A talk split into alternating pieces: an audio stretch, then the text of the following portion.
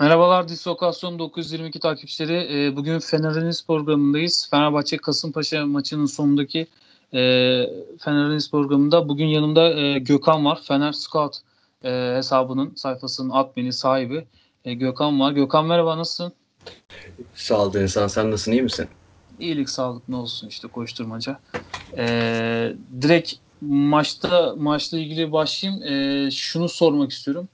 E, Fenerbahçe nasıl oynadı? Ne oynamak istedi? E, sence nasıl bir maç geçti ve e, oynamak istediği şeyi planı ne kadar sahaya yansıttı?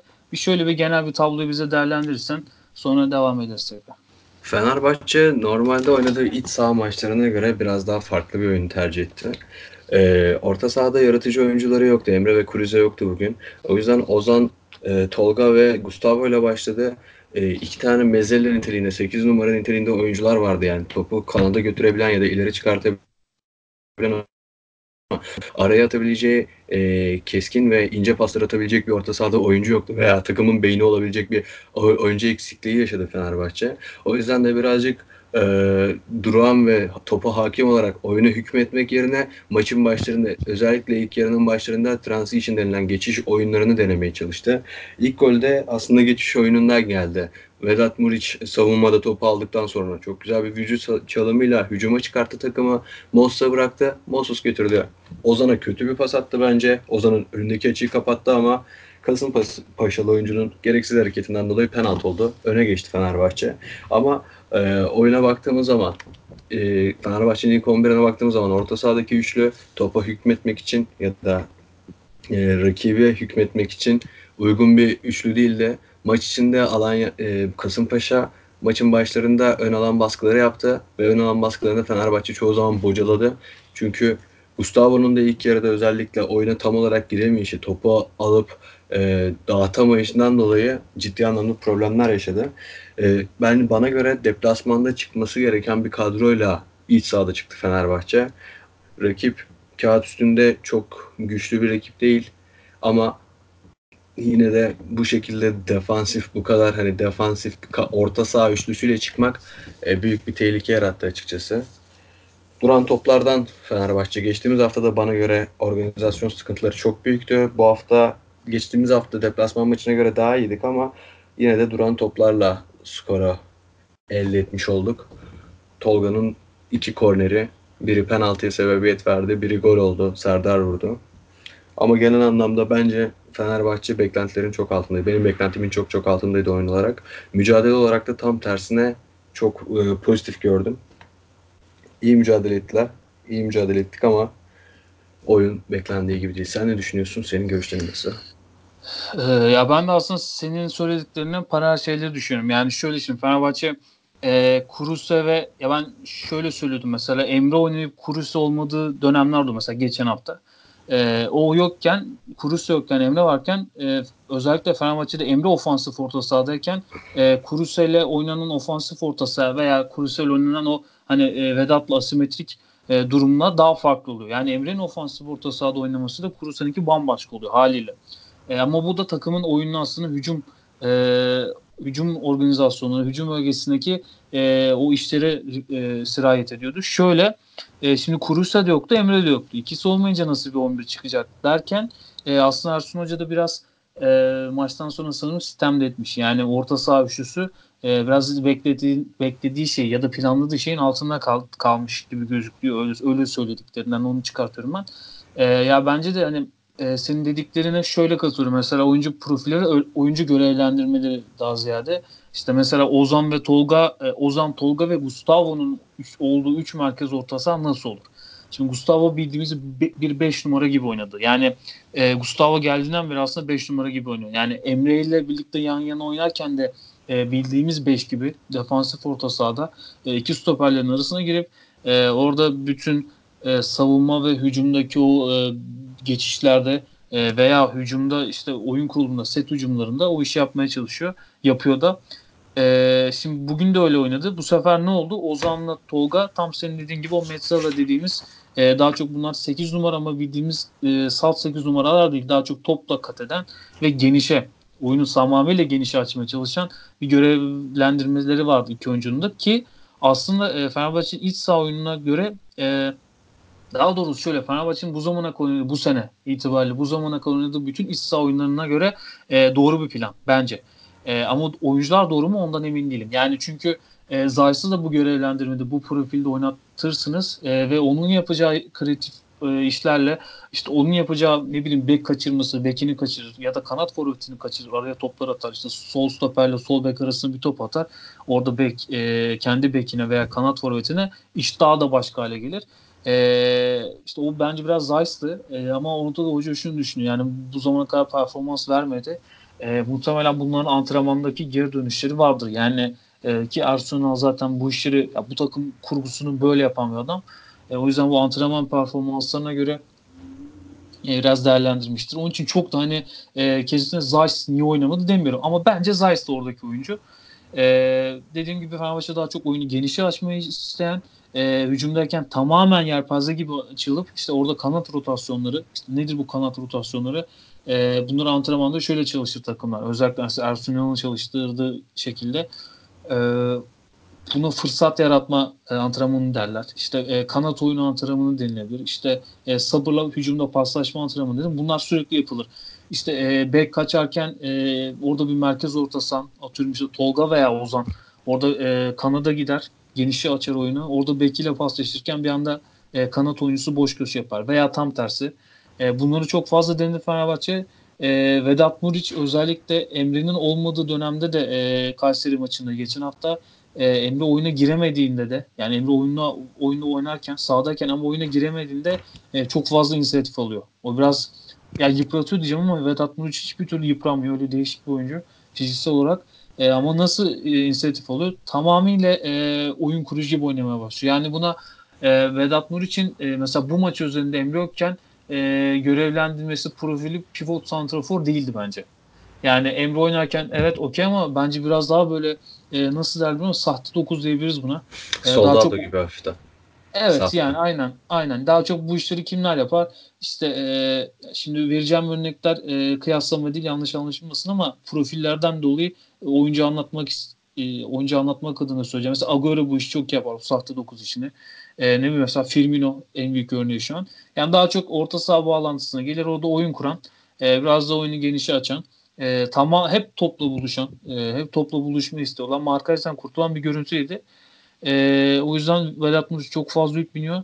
E, ama yani biraz merkez orta sahada evet yani o kreatif e, görüntü eksik kaldı. Yani önceki iç saha maçlarına nazaran eksik kaldı. E, yani biraz bence Kurus aslında oynadığında Fenerbahçe biraz daha böyle nasıl derler 4-2-4 gibi ama tam da öyle değil. Hani buna e, o da asimetrik oynuyor. Aynen Kruse Vedat Muriç. E, orada oyun bambaşka bir hale geliyor. Çünkü Kruse'nin Geri Rodriguez, Vedat Muriç e, ve Kruse mesela üçlüsünün e, orada yarattığı o fırsat yaratmalar, yarattığı o kanat rotasyonları bambaşka oluyor. Orada birbirine çok iyi bir bağlantısı var. E, o yüzden Vedat Muriç'e çok fazla yük biniyor onlar olmadığında. E, onun dışında da yani genel olarak tablo böyleydi aslında.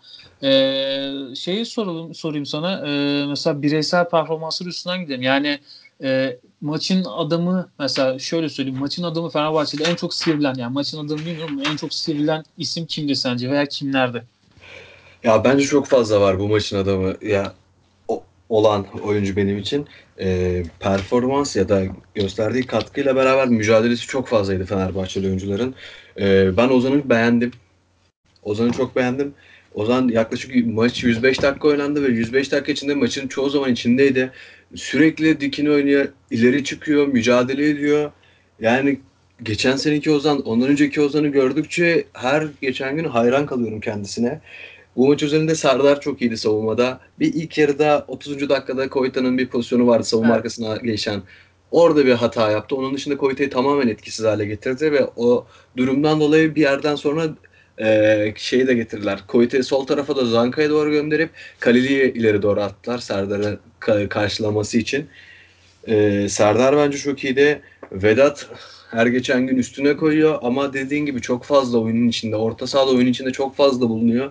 E, bu da bir santrafor için güzel bir durum değil aslında. Çünkü sen e, tamam teknik özellikleri çok iyi, oyunu açabiliyor belirli meziyetleri çok ama iyi gol bölgesinde olması lazım. Gol bölgesinde eksik kalınca ve Aynen. kanattaki oyuncuların net bir e, striker yani bitirici oyuncun değilse ikisi de tam olarak bitirici değil. E, bu zaman bu sefer de içeride yalnız kalıyorsun. Az kişiyle kalıyorsun ve şöyle de bir sıkıntı var. E, bir oyuncu mesela 30 dakika boyunca sürekli koşabilir, sürekli depar halinde, sürekli topa sahip olabilir santrofor oyuncusu ama bu oyuncu şut çekeceği zaman e, nefes konusunda, enerji konusunda sıkıntı yaşar. Bu da büyük bir problem oluyor. Aynı zamanda Vedat için. Hani fiziksel seviyesi yüksek olabilir ama anlık patlama yapması gereken yerlerde patlama yapamamaya sebep verebiliyor bu durumlar. İlk yarıda Moses çok ben Moses'ı beğendim. İkinci yarıda bayağı bir düşüşteydi Moses. Onun dışında bugün Tolga'yı da çok beğendim. Fenerbahçe'nin e, güzel ama sıkıntılı noktalarından bir tanesi de bu sene orta saha rotasyonu. Bence Gustavo, Ozan, Kuruze, Emre ve Tolga Ciğerci ve hatta arkalarına Jason'u da eklemek gerekiyor. Ee, zor yani buradan bir üçlü çıkartabilmek. Çünkü he, bence hepsi çok iyi oynuyor. Tolga Tolga bugün dört tane e, korner kullandı tehlikeli. Bir tanesi penaltı oldu. Bir tanesini Vedat kaçırdı. Yanlış hatırlamıyorsam bir tanesini Gustavo kaçırdı. Bir tanesi de gol oldu. Evet. Yani direkt sadece gole etki eden iki tane net pozisyonu vardı Tolga'nın.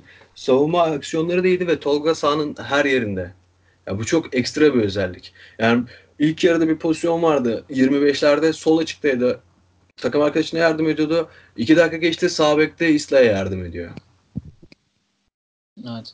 Ama Ee, şey de sorayım sözünü kestim pardon ama ben İssa'da demişken çünkü orada girmek istedim. İssa'nın e, sence e, back performansı yani şu an yeterli mi? Çünkü Fenerbahçe'nin e, hepimizin e, izlediği üzere yani ben mesela şahsen hep şunu söylüyorum açıkçası. E, Temmuz'dan beri Fenerbahçe'nin iki tane hücumcu bek ihtiyacı var. Yani hani e, buna karşı şöyle de, şöyle de çok soru e, alıyorum. İşte e, hangi takımın iki tane hücumcu bek ihtiyacı yok gibi. E, bazı takımın üçüncü hücumcu bek ihtiyacı olmaz. Yani e, oyuncu yani daha doğrusu hocanın e, görevlendirmesi bambaşka olabilir. Mesela Aykut Kocaman'ın Fenerbahçe'sini düşünün. iki tane hücumcu bek ihtiyaç yoktu. E, ama mesela bu bu Fenerbahçe, Arsenal Fenerbahçe'sinin iki tane çok net hü- hücumcu beke yani hücumda işi bitiren, o son pası verebilen, en azından orayı zorlayabilecek e, iki tane oyuncu ihtiyacı var. E, şimdi Hasan Ali'nin hücum performansını biliyoruz. İnanılmaz özverili oynuyor hücumda. E, teknik işleri bence kendisinden e, beklenemeyecek teknik işleri yapıyor. Yapmaya çalışıyor. E, ama İsa'da bunun bence daha fazlası var ve şu ana kadar e, o istenilen şeyi de ortaya koyamıyor. Bence ş- e, daha şöyle söyleyeyim sana da e, sence İsa mı hani kırmızıdan sonra cezadan sonra döndükten sonra da İsa mı yoksa e, Dirar mı yoksa Moses mı oraya çekilmeli? Ya şöyle bir durum var aslında. Fenerbahçe'de e, konu sağ bek konusunda çok enteresan bir durum. E, yıllardır bir hücumcu bek e, arayışı vardı Gökhan Gönül'den sonra. E, bence hücumcu bek olarak Dirar geldi. Dirar geldiğinde çok sevinmiştim ben. Monaco'dan zaten e, üçlü savunmanın daha doğrusu 3-5-2'nin sağ tarafında oynuyordu. Yani kanat beki gibi oynuyordu Monaco'da çoğu zaman. Ve sağ bekteydi. E, dedim yani geldiği zaman çok mutlu olmuştum çünkü hücum yapabilen bir sağ bekimiz olacaktı.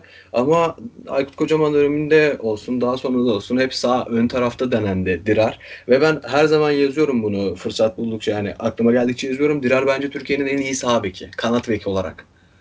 Yani çünkü savunma meziyetleri yeterli. Mükemmel değil ama hücum yetenekleri, orta açması, pozisyon alması, takım arkadaşlarına pozisyon yaratabilmesi e, bir sağ beke göre fazlasıyla iyi. Çok iyi bence. O yüzden ve Ersun Yanal'ın futbolunu düşündüğümüz zaman Dirar bence sağ tarafta olması gerekiyor. Sağ bekte olması gerekiyor. Ben son yani uzun zamandır İsa'yı da beğenmiyorum açıkçası. Ee, çok verimli olduğunu da düşünmüyorum. Ee, Dirar'ın sağ tarafa geçmesi gerektiğini düşünüyorum. Bugün de hatta maçtan sonra yazmıştım. Dirar bence Türkiye'nin en iyi sağ, sağ beki, ofansif sağ beki. Ee, Hasan Ali konusunda da gelecek olursak Hasan Ali geçen sene çok iyi performans sergilemişti. Çok özverili oynamıştı. Takım da çok kötü gidiyordu zaten. Ee, ve Hasan Ali bazı şeyleri aştığını düşünüyordum ben Hasan Ali'nin açıkçası. Yani kendi yeteneklerini aştığını fark ettiği şeyleri yapmıyordu geçtiğimiz sene. Yani ben artık- de. Artık anlamıştı yani. Açacağı ortaların büyük ihtimalle gitmeyeceğini anladığı için daha fazla dibe girip e, yerden pas veriyordu mesela. Hani orta açmıyordu direkt keskin bir şekilde. Şutlarını geliştirmişti. Zaten çok çalışan bir isim ama Hasan Ali sakatlık dönüşü tamamen ortalarda yok. Son iki maçta gerçekten çok kötü ve savunmaya dönüşlerde de çok sıkıntı yaşıyor. Hücuma çıktığı zaman.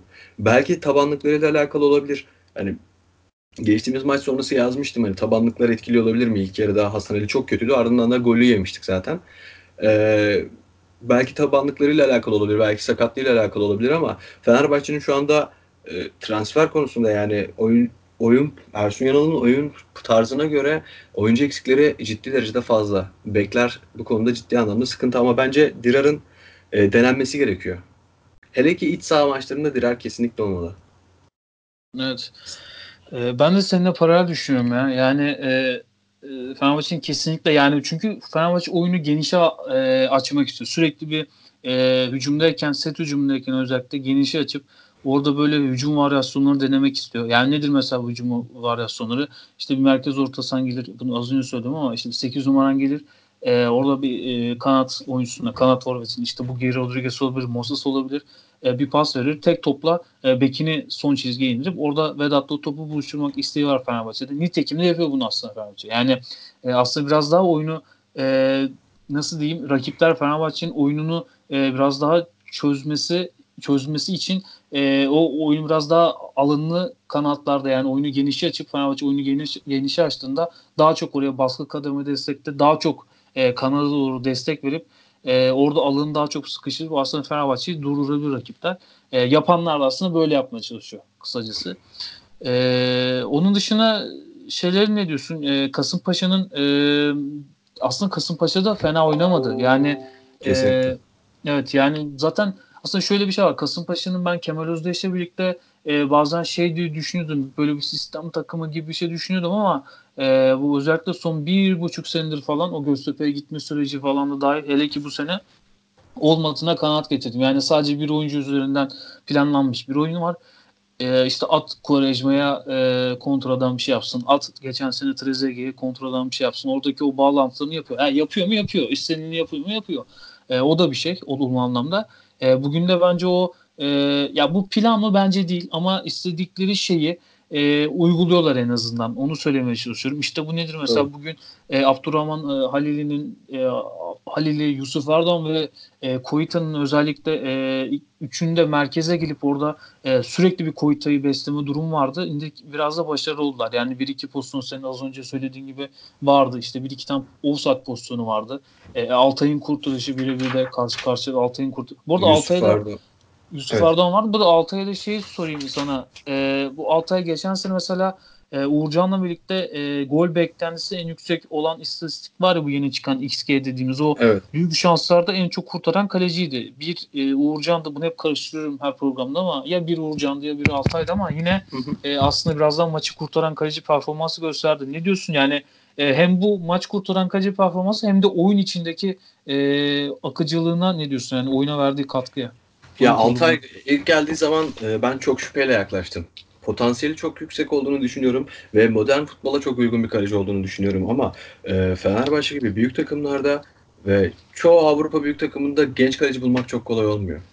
Hani e, benim düşünceme göre mesela bir orta saha oyuncusu düşün. Mesela Elif Elmas'ı düşün. Maç içinde hata yapabilir. İleri atacağı topu atamayabilir ama telafisi olabilir. Adımı çok basit bir şekilde geçilebilir ama telafisi olabilir ama kalenin o kadar kolay değil. Yani tecrübesiz genç bir kaleciyi kaleye koymak büyük bir risk bence. Stoper de hani riskli olabilir ama stoperi kaleci telafi edebilir. Ama kale için çok zor bir durum bence. Yani hatta geçen gün de tweet atmıştım bu konuyla ilgili. Kalede Fenerbahçe'nin kalesinde Muslera olsa, Galatasaray'da Fenerbahçe gibi sirkülasyon yaşasa ya da e, eski bir kalecisi olsa Volkan gibi efsane de olsa, ne kadar efsane de olsa performansı düşmüş bir kaleci olsa şampiyonluk sayıları tam tersine değişir. Fenerbahçe'nin iki fazla şampiyonluğu olur diyordum. E, Altay o yüzden geçtiğimiz haftaki maçta da Altay'ı ben beğenmiştim. Ama Altay'ın her hafta bir tane hatası oluyor. Bu hafta hatasız geçti ve bence iyi performans sergiledi. Yediği iki golde de yapabileceği pek bir şey yoktu. Ama hani zaten ikinci golde ciddi bir e, Muric'in hatası vardı. Ben Yusuf'u tamamen boş bırakmıştı. Kendi oyuncusuydu e, Muric. Orada biraz adam alanda da sıkıntı oldu. Adam adamadan ziyade e, orada o arka taraftaki alanda hiç oyuncu yoktu benim hatırladığım kadarıyla. Yani tamam adam adamı yap. E, adam adam oyuncuyu da kaçırabilirsin ama o adam alana e, alan ve adam karışımındaki o e, duran top savunmasında e, biraz bu oradaki alanı bomboş bıraktı Fenerbahçe.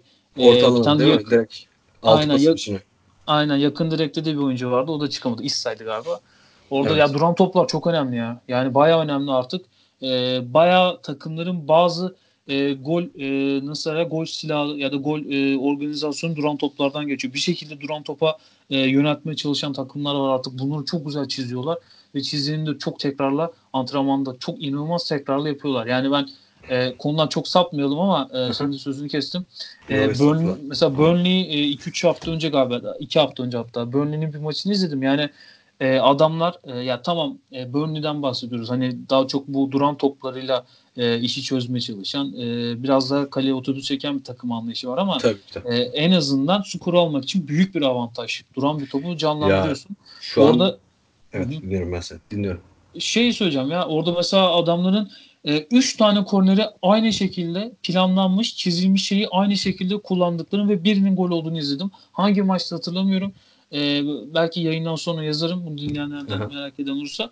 E, üç tanesini de aynı şekilde kullandılar. E, iki tane oyuncu öndürerek koşu yapıyor. E, birinci değil de ikinci oyuncu kafayla arkaya sektiriyor. Orada çizilmiş bir oyun vardı.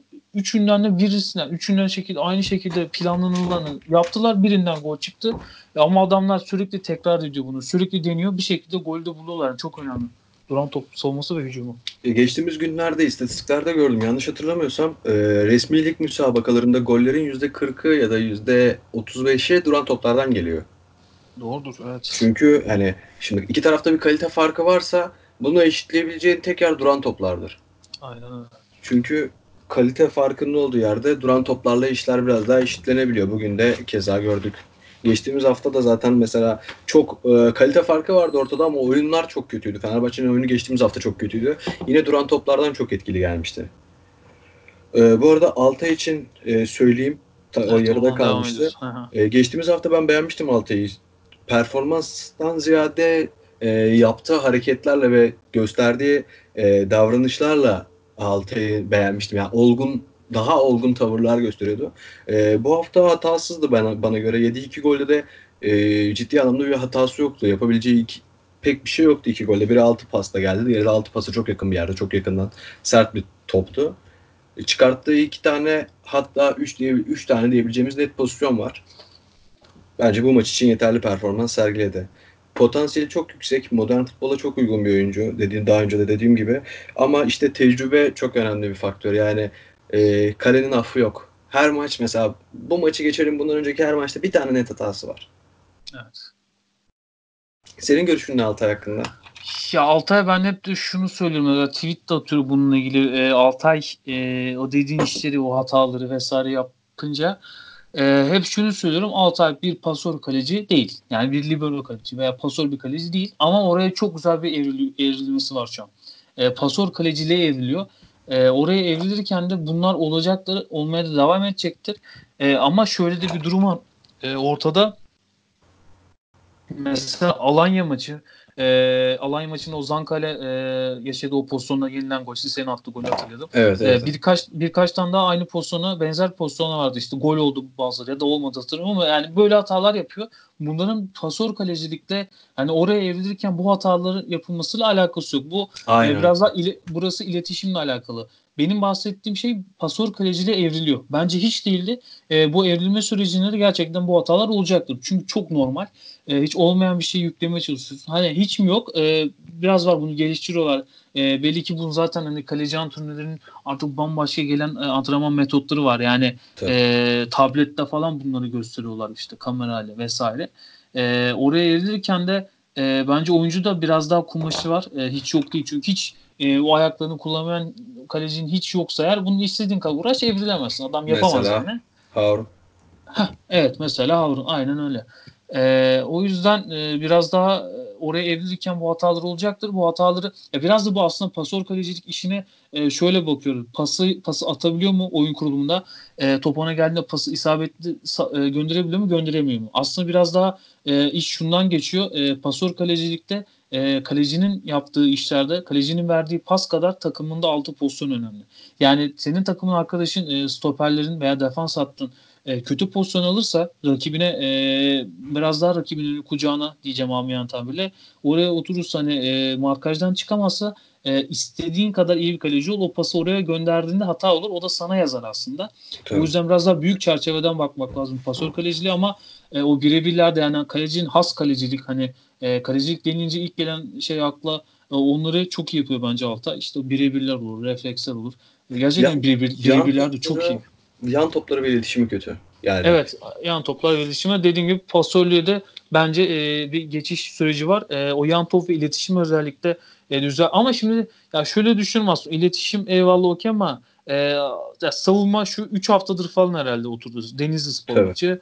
E, yani 3-4 hafta. Hani 4 hafta olduğunu bilmiyorum ama hani oradaki o tandem tamamen hat hatta e, savunma defans hattı e, komple yeni yeni oturdu. O iletişim biraz daha e, her hafta onlarla oynayarak yani çünkü mesela Galatasaray'daki en büyük sıkıntı ne? Sürekli değişen bir 11, sürekli değişen bir orta saha merkezi. Bir oyuncu haftaya e, yanındaki oyuncuyu göremiyor. Öyle bir durum Aynen. var. Mesela Fenerbahçe'de de şu an oturdu o düzen. E, o yüzden büyük avantajı var. E, oyunu da çok güçlü Fenerbahçe'nin. E, ben hep şey söylüyorum. Bilmiyorum sen ne düşünüyorsun ama deplasman maçlarından geçiyor biraz daha bu yol. O deplasman oyunu oturması lazım. Aynen. Tabii ki de. Yani bu sene kolay maç yok. İç sahada da kolay maç yok. Kasımpaşa maçını görüyoruz. Geçtiğimiz hafta Kayseri maçı hatırlarsın kağıt üstünde herkes 3 puan diyordu. Tabii. Ee, ama gelmiyor. Her takım artık mücadele ediyor tamamen. Bir de bu yabancı sınırından e, sonra yabancı sınırının hani arttırılmasından sonra her takım e, çok rahat bir şekilde kaliteli ya da mücadele gücü yüksek oyuncuları çok ucuza bulabiliyor. Her takımın kendine göre bir oyun stratejisi var. 3 aşağı 5 yukarı yani geçmiş dönemlere göre daha iyi. O yüzden e, ya sistemsiz denilebilecek çok az takım var. Ve o yüzden her takımın evet. tehdidi, iki tane tehdidi var. Hata yaptığınız anda da affetmiyor da Fenerbahçe. En oyun oyun Tabii. tehdidi olması da oyuncu tehdidi var dediğin gibi aynen. Evet. Bir de Fenerbahçe zaten bireysel hata yapmaya çok müsait bir takım. Ee, oyuncular da savunma oyuncuları da bu konuda güven vermiyor maalesef. Yani mesela Altay'ın pas hatalarından ziyade benim Altay'da rahatsız olduğum nokta yan topları ve e, beklenmedik hata yapması. Yani pas hatasından bahsetmiyorum ben. Hücuma çıkarken pas hatası yapabilirsiniz. Çünkü e, bunu gerektiren bir durum. Pasörsünüz çünkü e, atı, şişirmekten ziyade atacağınız yerden bir pas oyunu çok hızlandırır. Size 3-4 saniye kazandırabilir. Rakip savunmanın yerleşimini etkileyebilir. Ama e, yan toplar ve şey sıkıntı ciddi anlamda Altay'ın. O iletişim hataları. Evet.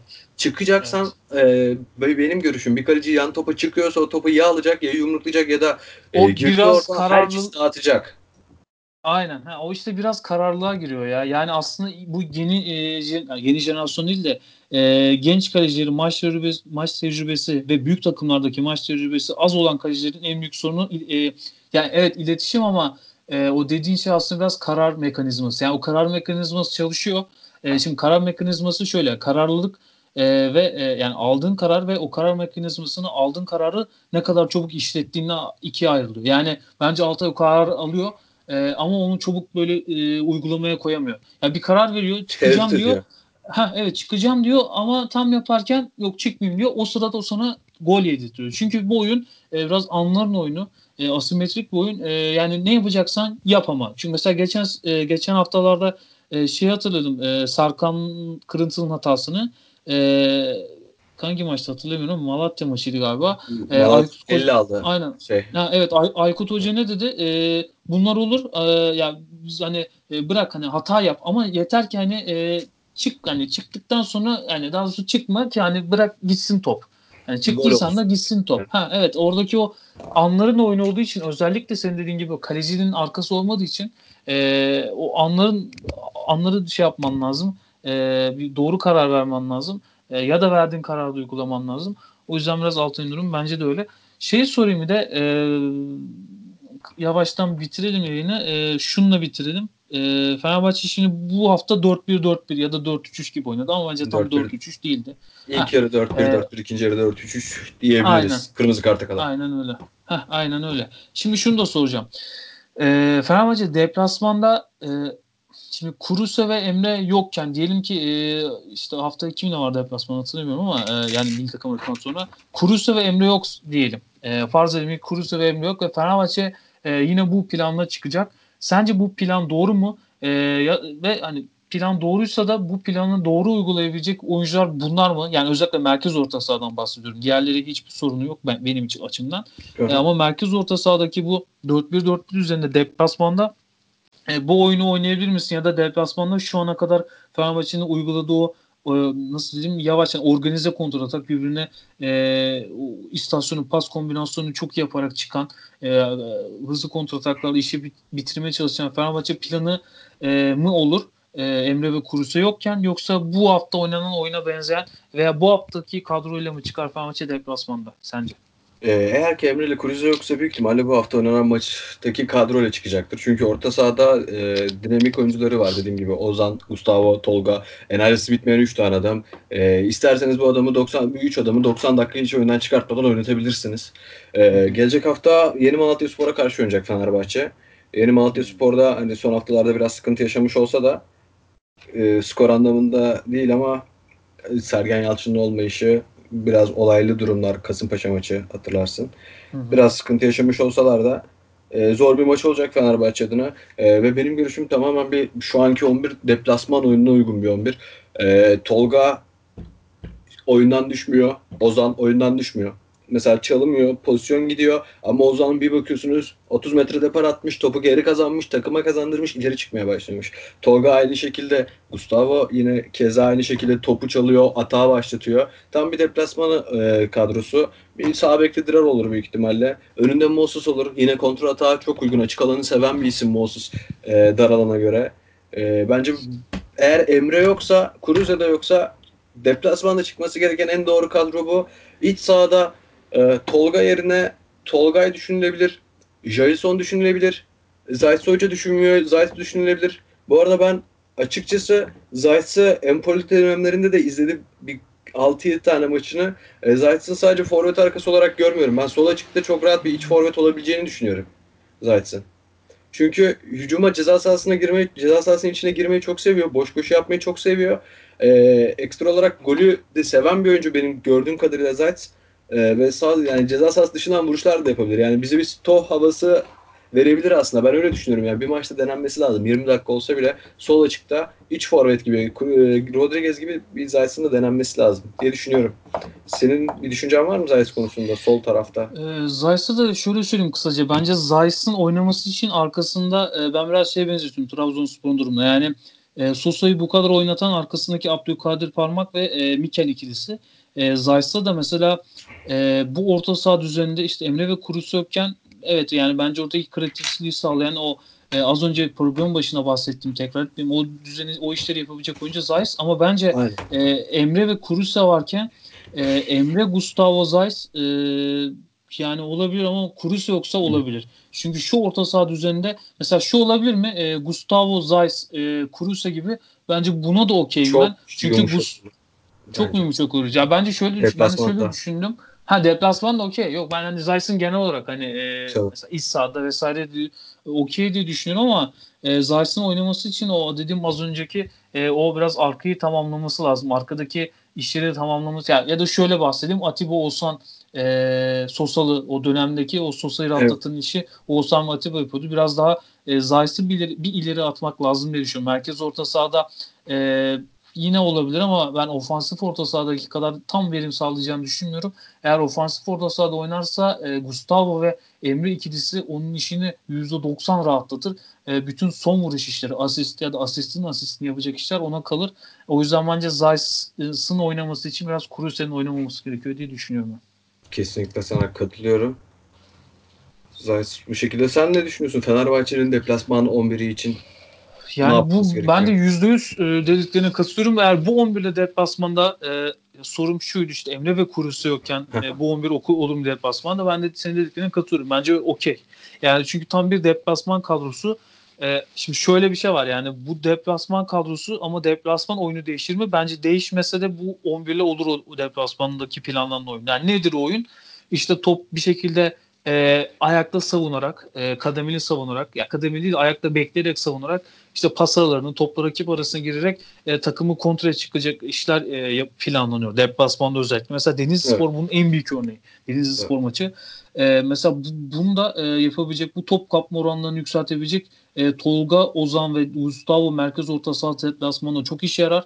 E, topa basarak yavaş yavaş kontraya çıkan e, o pas kombinasyonu, o pas e, istasyonlarını çok iyi yapan ve Fenerbahçe izliyoruz deplasmanda. O oyun planı devam ederse e, Kuruse ve Emre yoksa eğer e, bu 11 bence o planında uygulayabilecek bir 11 uygulayabilecek bir 11. E, o yüzden bence biraz daha Fenerbahçe'nin o deplasman oyununu e, tekrar etmesi lazım. Yani e, o oyunda oturursa deplasmanda e, çünkü yani artık şöyle bir şey yok. Yani biz e, Fenerbahçe şampiyon olduğunda 2003-2014'te e, deplasman oyunu biraz daha farklıydı. E, yine farklı. Biraz aslında farklı olmak durumunda. Yani iç sahada oynadığım bu baskılı oyunu Fenerbahçe'nin bu hani e, Amiyan tabli Apache gibi saldırıyor ya içeride e, boğuyor gibi. O oyunu deplasmanda oynamak zor. Yani bu bir gerçek. Biraz realiteye uymak lazım. E, herkes onu istiyor. E, yani ben bence de o oyunda e, nasıl haz verir deplasmanda bu içerideki oyunu oynamak. E, ama yani biraz realiteye doğru uymak lazım. O, yüzden Ersun Yanal'ın bence o oyunda iyi bulduğunu düşünüyorum deplasmanda. Bu takımda e, o oyun planını uygulayabilecek bir takım olarak düşünüyorum ben. Yani. Sana kesinlikle katılıyorum. Bir de mesela bugünkü ilk 15 dakika e, düşündüğün zaman çok rahat bir deplasman oyunu olabilir. Bunun ilk 15 dakika direkt geçişler üstüne bir oyunda. Evet, evet.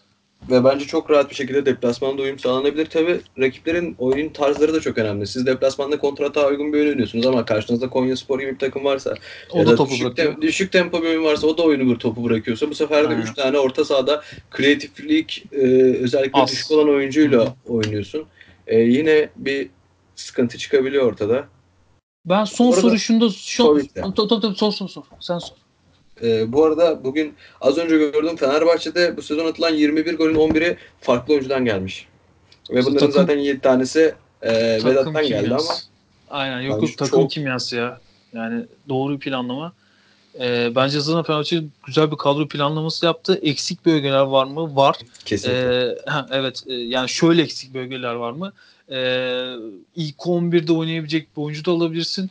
E, mesela sol bek alırsın ilk, e, ilk 11'de net oynayabilecek. Onun rotasyonu Hasan Ali olur.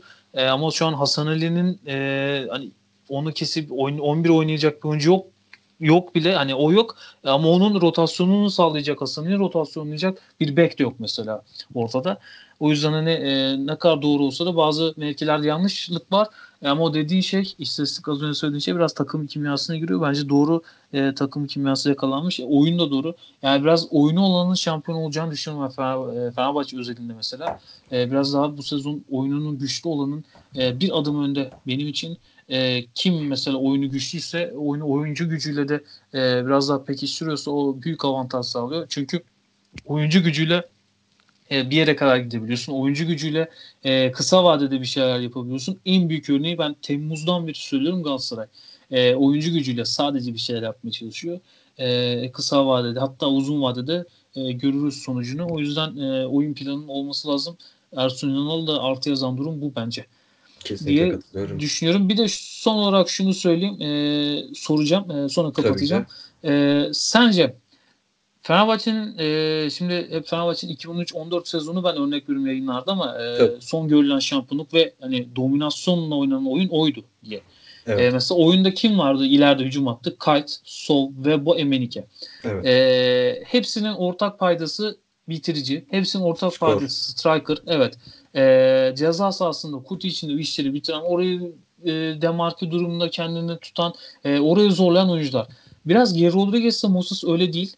E, o yüzden sence e, sene sonu mesela yani çok uzun vadede konuşuyorum şu an ama e, onu tahayyül etmek için mesela sezon sonu Moses e, döndüğünde e, Geri Rodriguez de e, iki yıllık kiralık galiba bilmiyorum tamam evet, ama yıllık. Ha, e, ya da Geri Rodriguez işte o Geri Rodriguez yedeklenebilir. Mesela şunu sormaya çalışıyorum. O dönemdeki o dört oyuncu gibi bir e, transfer politikası hücum bölgesinde, hücum hattı için konuşuyorum. Sence o mu daha doğru yoksa yine hala Geri Rodriguez Moses e, mesela bir oyuncu alırsın Geri Rodriguez profilindedir ama sağ kanatta oynar.